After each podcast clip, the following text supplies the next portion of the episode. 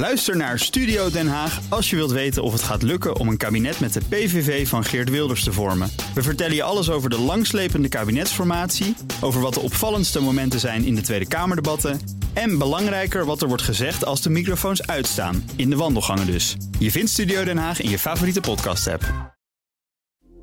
Dit is een BNR podcast. Dit is Dossier Europa. Mijn naam is Geert-Jan Haan. En elke maand stuur ik een jonge correspondent op pad naar een andere uithoek van de Europese Unie. We zijn in Ierland. Dit is aflevering 3. Een verenigd Ierland?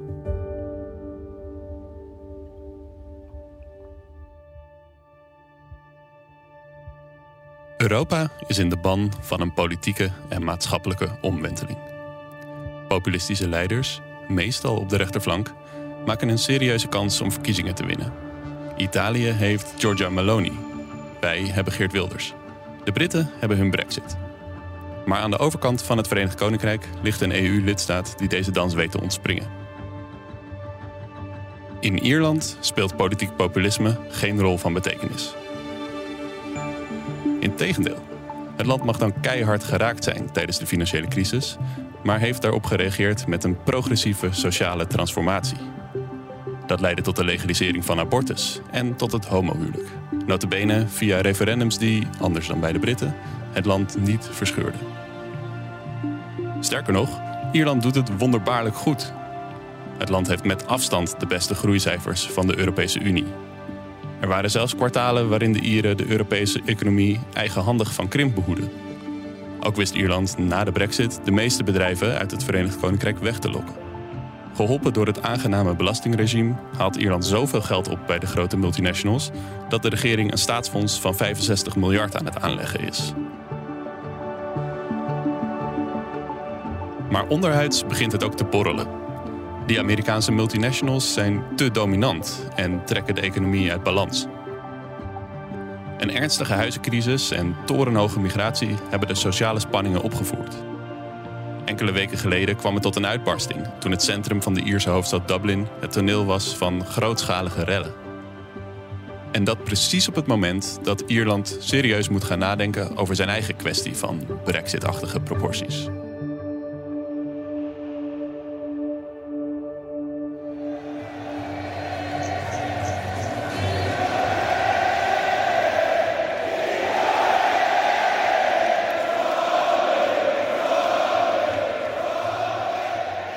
Dit is het WK Rugby in Frankrijk afgelopen september.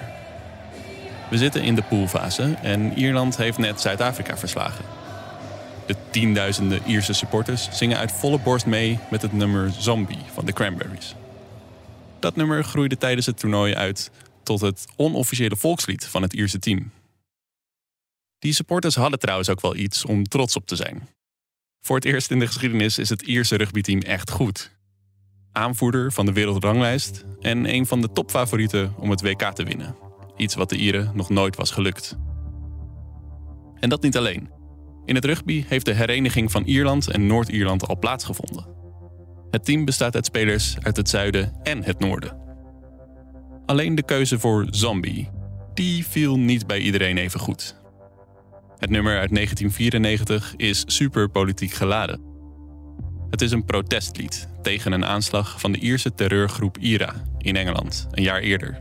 Daarbij kwamen twee kinderen om het leven. Zangeres Dolores O'Riordan zingt It's not me, it's not my family. Om uit te drukken dat de terreurtactieken van de IRA voor een herenigd Ierland niet de steun heeft van haar en van Ieren zoals zij. Dat de rugbyfans het nu zo gezellig in een stadion zingen, getuigt volgens sommige Ierse nationalisten van onwetendheid over het eigen verleden. Of zelfs een gebrek aan respect voor iedereen die zich heeft ingezet in de Ierse onafhankelijkheidsstrijd. Aangezien het nummer ook de paasopstand van 1916 aanhaalt. Een keerpunt in de Ierse strijd tegen de Britten. Zo zie je maar dat de kwestie van een verenigd Ierland gevoelig ligt. En jarenlang was deze constitutional question, zoals het in Ierland vaak genoemd wordt, ook vooral een academisch debat. Veel Ieren vonden het al heel wat dat er sinds Goede Vrijdag 1998 een vredesakkoord lag. En dat de pro-Ierse republikeinen en de pro-Britse royalisten ook in het noorden niet langer over en weer moorden pleegden.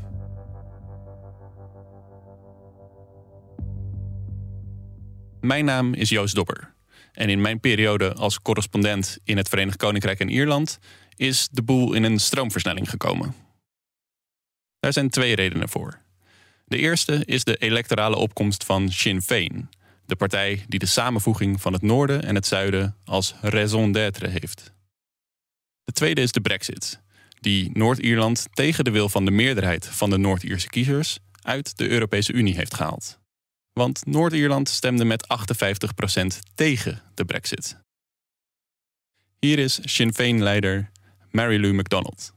This is a defining period in our history and the history of Europe. It is a time for big ideas, for inclusive conversations, and for ambitious plans, and for generosity. I believe we've entered a decade of opportunity where the freedom to choose our own future will be decided by the people of this island. It's time to bring our people together in harmony and friendship because we can transform this country. It's a time to unite all of the people who share this island and to seize what is the opportunity of a lifetime. Gurmila Mahagov. De kans van ons leven om het eiland samen te brengen. Zo ziet McDonald de Brexit. En zij is niet zomaar iemand. De kans is heel groot dat zij na de volgende verkiezingen, die in de komende 15 maanden moeten worden gehouden, de nieuwe Ierse premier wordt. Maar is Ierland werkelijk op weg naar hereniging? Oh, absolutely. I think United Ireland will happen in my lifetime. Um, I think it could happen in the next decade. Dit is Una Mulali weer, de columnist van de Irish Times, die we ook al in de eerste aflevering hoorden. There are not sufficient employment opportunities in the north in the same way that there are uh, in Dublin. You know, it's not comparable to Belfast. And, and young people in the north deserve to, you know, experience uh, a type of prosperity and a, and a type of security and a type of optimism and future that their, you know, brothers and sisters in the south um, have in some cases been lucky to experience. Una is nogal uitgesproken. Binnen tien jaar is er een Verenigd Ierland, denkt ze. Ik moet zeggen, dat is zeker niet wat iedereen denkt. De meeste mensen die ik heb gesproken denken dat er nog wel meer tijd overheen zal gaan. Of sommigen vragen zich zelfs hardop af of ze het ooit zullen meemaken. Maar laten we eerst eens kijken wat er voor nodig is. In 1998 werd afgesproken dat daarvoor gelijktijdig een referendum moet worden gehouden in zowel Noord-Ierland als Ierland zelf. Het besluit om zo'n referendum in Noord-Ierland uit te schrijven is aan de Britse regering. En die hoeft dat pas te doen als het erop lijkt dat er in Noord-Ierland een meerderheid voor hereniging is. Een formulering die ruimte laat voor de nodige interpretatie. In de Republiek Ierland, in het zuiden dus, is die meerderheid er op het oog nu al. Maar in het noorden is er nog een weg te gaan. Op het moment is slechts ongeveer een derde van de Noord-Ieren voorstander, terwijl de helft er niet op zit te wachten. Toch is het noorden snel aan het veranderen. Traditioneel waren de protestanten, die in de regel pro-Brit zijn, altijd in de meerderheid. Maar de pro-Ierse katholieke gemeenschap groeit veel sneller en bleek vorig jaar bij de census voor het eerst in de meerderheid te zijn. Ook werd Sinn Féin, dat ook in het noorden meedoet met de verkiezingen, voor het eerst de grootste partij in Noord-Ierland. Bovendien is er nu een hele generatie Noord-Ierse jongeren opgegroeid die het sectarische geweld van de Troubles nooit heeft meegekregen. En zich daardoor minder thuis voelt in de oude tweedeling tussen groen, de kleur van Ierland, en oranje, de kleur van de pro-Britse gemeenschap. Zij zijn veel vatbaarder voor het feit dat Ierland veel welvarender is dan Noord-Ierland. Met betere banen, een progressieve cultuur en zonder de brexit. Zo beginnen de domino's te vallen in de richting van een Verenigd Ierland. De volgende steen is een mogelijke verkiezingszege van Sinn Féin in het zuiden, zodat de partij aan beide kanten van de grens de grootste is. Ik sprak erover met politicoloog Jennifer Todd, die in Dublin woont, maar uit de protestantse gemeenschap in Noord-Ierland komt. En ik vroeg haar hoe gevoelig het ligt als Sinn Féin aan de macht komt. I'm from the north of Ireland, from a unionist background in the north of Ireland, from a Protestant background in the north of Ireland, have lived in here in Dublin for quite a long time in a mixed marriage, mixed religious marriage. And so I count myself as one of these people who has lived through much of this. Um, okay, I mean, certainly what I have done, I, I've worked a lot on the north is do my best to detach from immediate feeling. That's much more difficult if your husband or your child got killed by, by somebody. But um, so many people in the north, um, on all sides of people who have been killed by somebody or know people who have been killed or badly injured by somebody. Of course, it's difficult. But equally, the only way to go forward is to um, start to think about how a, a positive um, positive politics can take place. Het opvallende aan de opkomst van Sinn Féin in Ierland is dat die eigenlijk weinig te maken heeft met een enorm verlangen van de Ieren naar hereniging. Het zijn de veel acutere problemen in de Ierse economie, besproken in de vorige afleveringen, die kiezers naar de oppositie jagen. Het dure leven in Ierland, het gebrek aan betaalbare woningen, de wachtlijsten in de zorg. Yeah, no, absolutely. Sinn Féin support is tied to housing and to healthcare. And, uh, you know, the salience of a United Ireland isn't high. Uh, opinion polling would say that if there was just a simple question of would you like a United Ireland, then a large majority of people will say yes. Um, but more recent polls have gone into it in a little more detail and have said, for example, are you willing to pay uh, 3,000 more in tax in order to achieve a United Ireland? And at that point, then um, support very much switches. So the, the support for United Ireland is quite contingent. Other opinion polling has looked at, you know, are people willing to change the national anthem or their flag to bring unionist community along? And again, then the amount of people who think that's a price worth paying is less than the amount of people who would just say off the top of the head, yes, I support United Ireland. Dit is politicoloog Jane Suter weer, die we ook in de eerste aflevering hoorden. Ze zegt dat mensen in principe wel voor een Verenigd Ierland zijn, maar het niet als prioriteit zien. En ook vaak moeite hebben met de compromissen die ervoor gesloten moeten worden. Pas je de vlag aan of het volkslied? En dan hebben we het niet over Zombie van de Cranberries, maar over The Soldier's Song, een marslied van de vroege onafhankelijkheidsbeweging.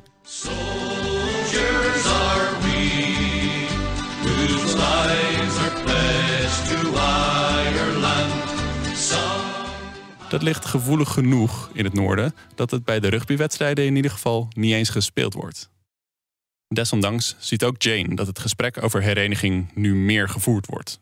Oh, I think so. I think you know there's more conversation about it. People see that it's more realistic over a time frame. But they're cautious about what that kind of time frame is. Uh, they want it to be done right. They would like the unionist community to be uh, to be brought along and so on. So I think it is seen as something that is perhaps inevitable over the medium term. But the question is, how long is that medium term? And what do you think the answer is to that? More than 10 years. Achter de schermen wordt er daarom al hard gewerkt aan plannen over hoe die hereniging er dan uit moet zien. Er zijn parlementaire comité's opgezet, burgerparlementen, academische studies. Alles om te voorkomen dat dezelfde fout wordt gemaakt die de Britten met de Brexit maakten. Dat ze een keuze maken zonder dat er een plan ligt. En dat er geen moeite wordt gedaan om ook de tegenstanders bij het proces te betrekken. The one thing that Brexit taught us is that you don't have an important referendum on a whim and run it quickly and not have a lot of deliberative and listening exercises and planning um, in advance. Los van de symbolische kwesties als de vlag en het volkslied zijn er serieuze economische verschillen tussen het rijkere zuiden en het armere noorden. En de Ieren beginnen te beseffen dat die alleen te overbruggen zijn met een hoop geld, zegt econoom Barra Rowntree van Trinity College. Just just even from the point of view of the population in the north are poor on average, and and but also they're they're they're, they're you know if you look, there's lots higher rates of disability. There's lots there's higher rates, in particular in certain areas of, of, of poverty and deprivation, and so. But also, the British welfare state isn't particularly generous, whereas the Irish one is more so generous. So, if you're to impose the Irish welfare state on top of the British one, you get an increase in costs of and uh, and that that'll need to be paid for. And so again, those are short run costs because again, as colleagues of mine have kind of former colleagues of mine at the SRI have argued that there's you know there likely is you know, at the moment in the north, a lot less. It's a lot less productive than it should be, um, and you get a lot of that even arising with highly educated people leaving the north for here, uh, but also for Britain. Um, and so that that's something which can be turned around. And so the longer run, those costs are you know they're manageable, but in the short run, there are some big costs. Echt goede cijfers over het economische gat tussen het noorden en het zuiden zijn er niet. Maar Noord-Ierland is economisch gezien al jaren een van de zwakkere regio's van het Verenigd Koninkrijk. Vergeleken met Ierland kampt de regio met meer armoede, lage productiviteit, een gebrek aan goed betaalde banen, lagere salarissen in de publieke sector en een zwakker sociaal vangnet. De gezonde levensverwachting ligt in het noorden zo'n twee jaar lager dan in het zuiden. Als je de defensieuitgaven wegstreept, moet het Britse ministerie van Financiën per jaar zo'n 5 miljard euro bijstorten om de Noord-Ierse begroting sluitend te maken. Een gat dat bij hereniging voor rekening komt van het nieuwe Ierland. Een kostbare operatie dus.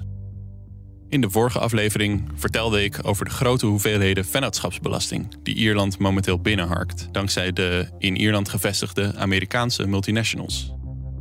Het zijn onvoorspelbare inkomsten die ook zomaar kunnen wegvallen. En daarom is de Ierse regering begonnen een deel ervan apart te zetten in een staatsfonds.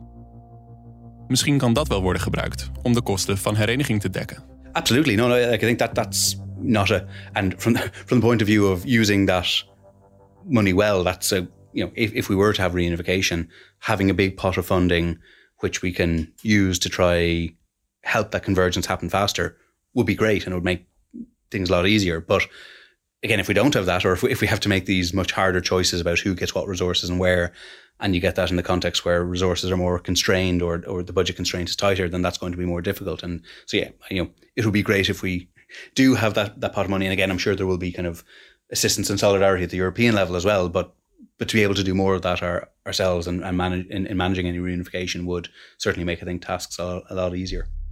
Die inkomsten van de multinationals hebben het Ierland de voorbije jaren gemakkelijk gemaakt, omdat er nooit grote druk op de begroting stond. Dat is natuurlijk fijn, maar volgens Barra is de Ierse politiek daardoor ook moeilijke keuzes uit de weg gegaan. Een poging om de pensioenleeftijd op te trekken van 65 naar 68 jaar werd al snel opgegeven toen er gemor onder de bevolking ontstond. Met zijn relatief jonge bevolking, Ierland is samen met Cyprus het jongste land van de EU, kan Ierland er nu nog wel mee wegkomen. Maar het geeft de econoom geen vertrouwen dat de Ieren er zomaar in zullen slagen om zoiets ingewikkelds als een hereniging in goede banen te leiden. Zeker niet als de huidige economische wind in de rug, om wat voor reden dan ook, zou gaan liggen. I would worry about how, you know, given how difficult we seem to find it or have found it to deal with some issues like the aging of the population and making changes to the state pension age or trying to make sure that the tax system isn't overly reliant on multinationals when we kind of shirk those big decisions when we have you know again the the tailwinds i do worry about our ability to do it when we face into headwinds and when conditions are harder. So i don't think that means it can't be managed but it does give me some concern about our ability to do it and to engage seriously with these big challenges which we're going to face and th- that are absolutely surmountable and manageable. But we haven't a great record of dealing with maybe smaller issues over the past decade or so. Een andere vraag is of een potentieel referendum over Ierse eenwording op zichzelf niet al een bedreiging is voor het Ierse economische model. Net zoals het Brexit-referendum investeerders in het VK heeft afgeschrikt. Ik ging op bezoek bij Patricia Callan, de directeur van Financial Services Ireland, een onderdeel van de Ierse werkgeversorganisatie. Dit zei ze toen ik over een United Ireland begon. My CEO would now be exiting you out of the building. Because it's not that he cares one way or the other. He just thinks that um, they, if you start discussing a referendum, because yeah. he, he's an economist by background, and he says that you can track back the downfall of the UK to not the Brexit, but to the Scottish referendum. Because from 2014 on, if you look at the investment flows, once you create uncertainty of any description, investment stopped going there, and we actually got a bounce out of that.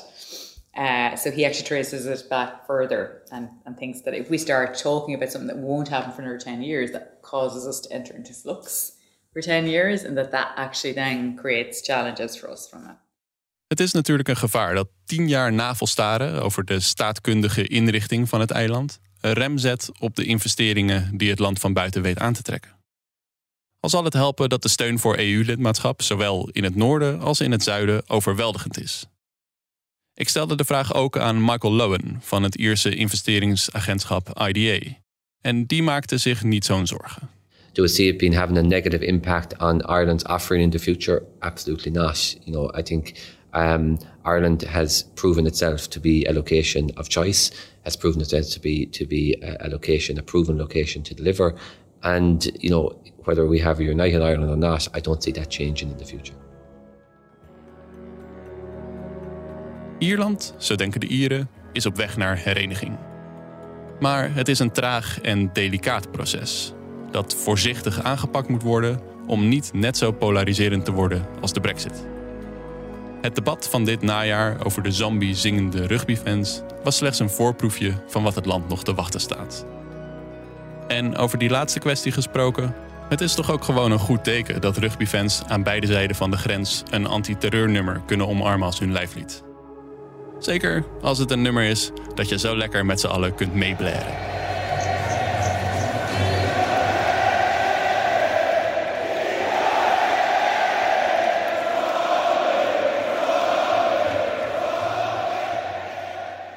Dit was de laatste aflevering uit het drieluik van dossiervreter Joost Dobber over Ierland. Volgende week spreek ik met Han de Jong, onze huiseconoom en huisier. Want hij woont al jaren op het eiland.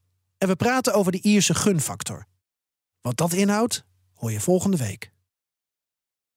Ook Bas van Werven vind je in de BNR-app. Ja, je kunt live naar mij en Iwan luisteren tijdens de ochtendspits. Je krijgt een melding van Breaking News. En niet alleen onze podcast Ochtendnieuws, maar alle BNR-podcasts vind je in de app. Download nu de gratis BNR-app en blijf scherp.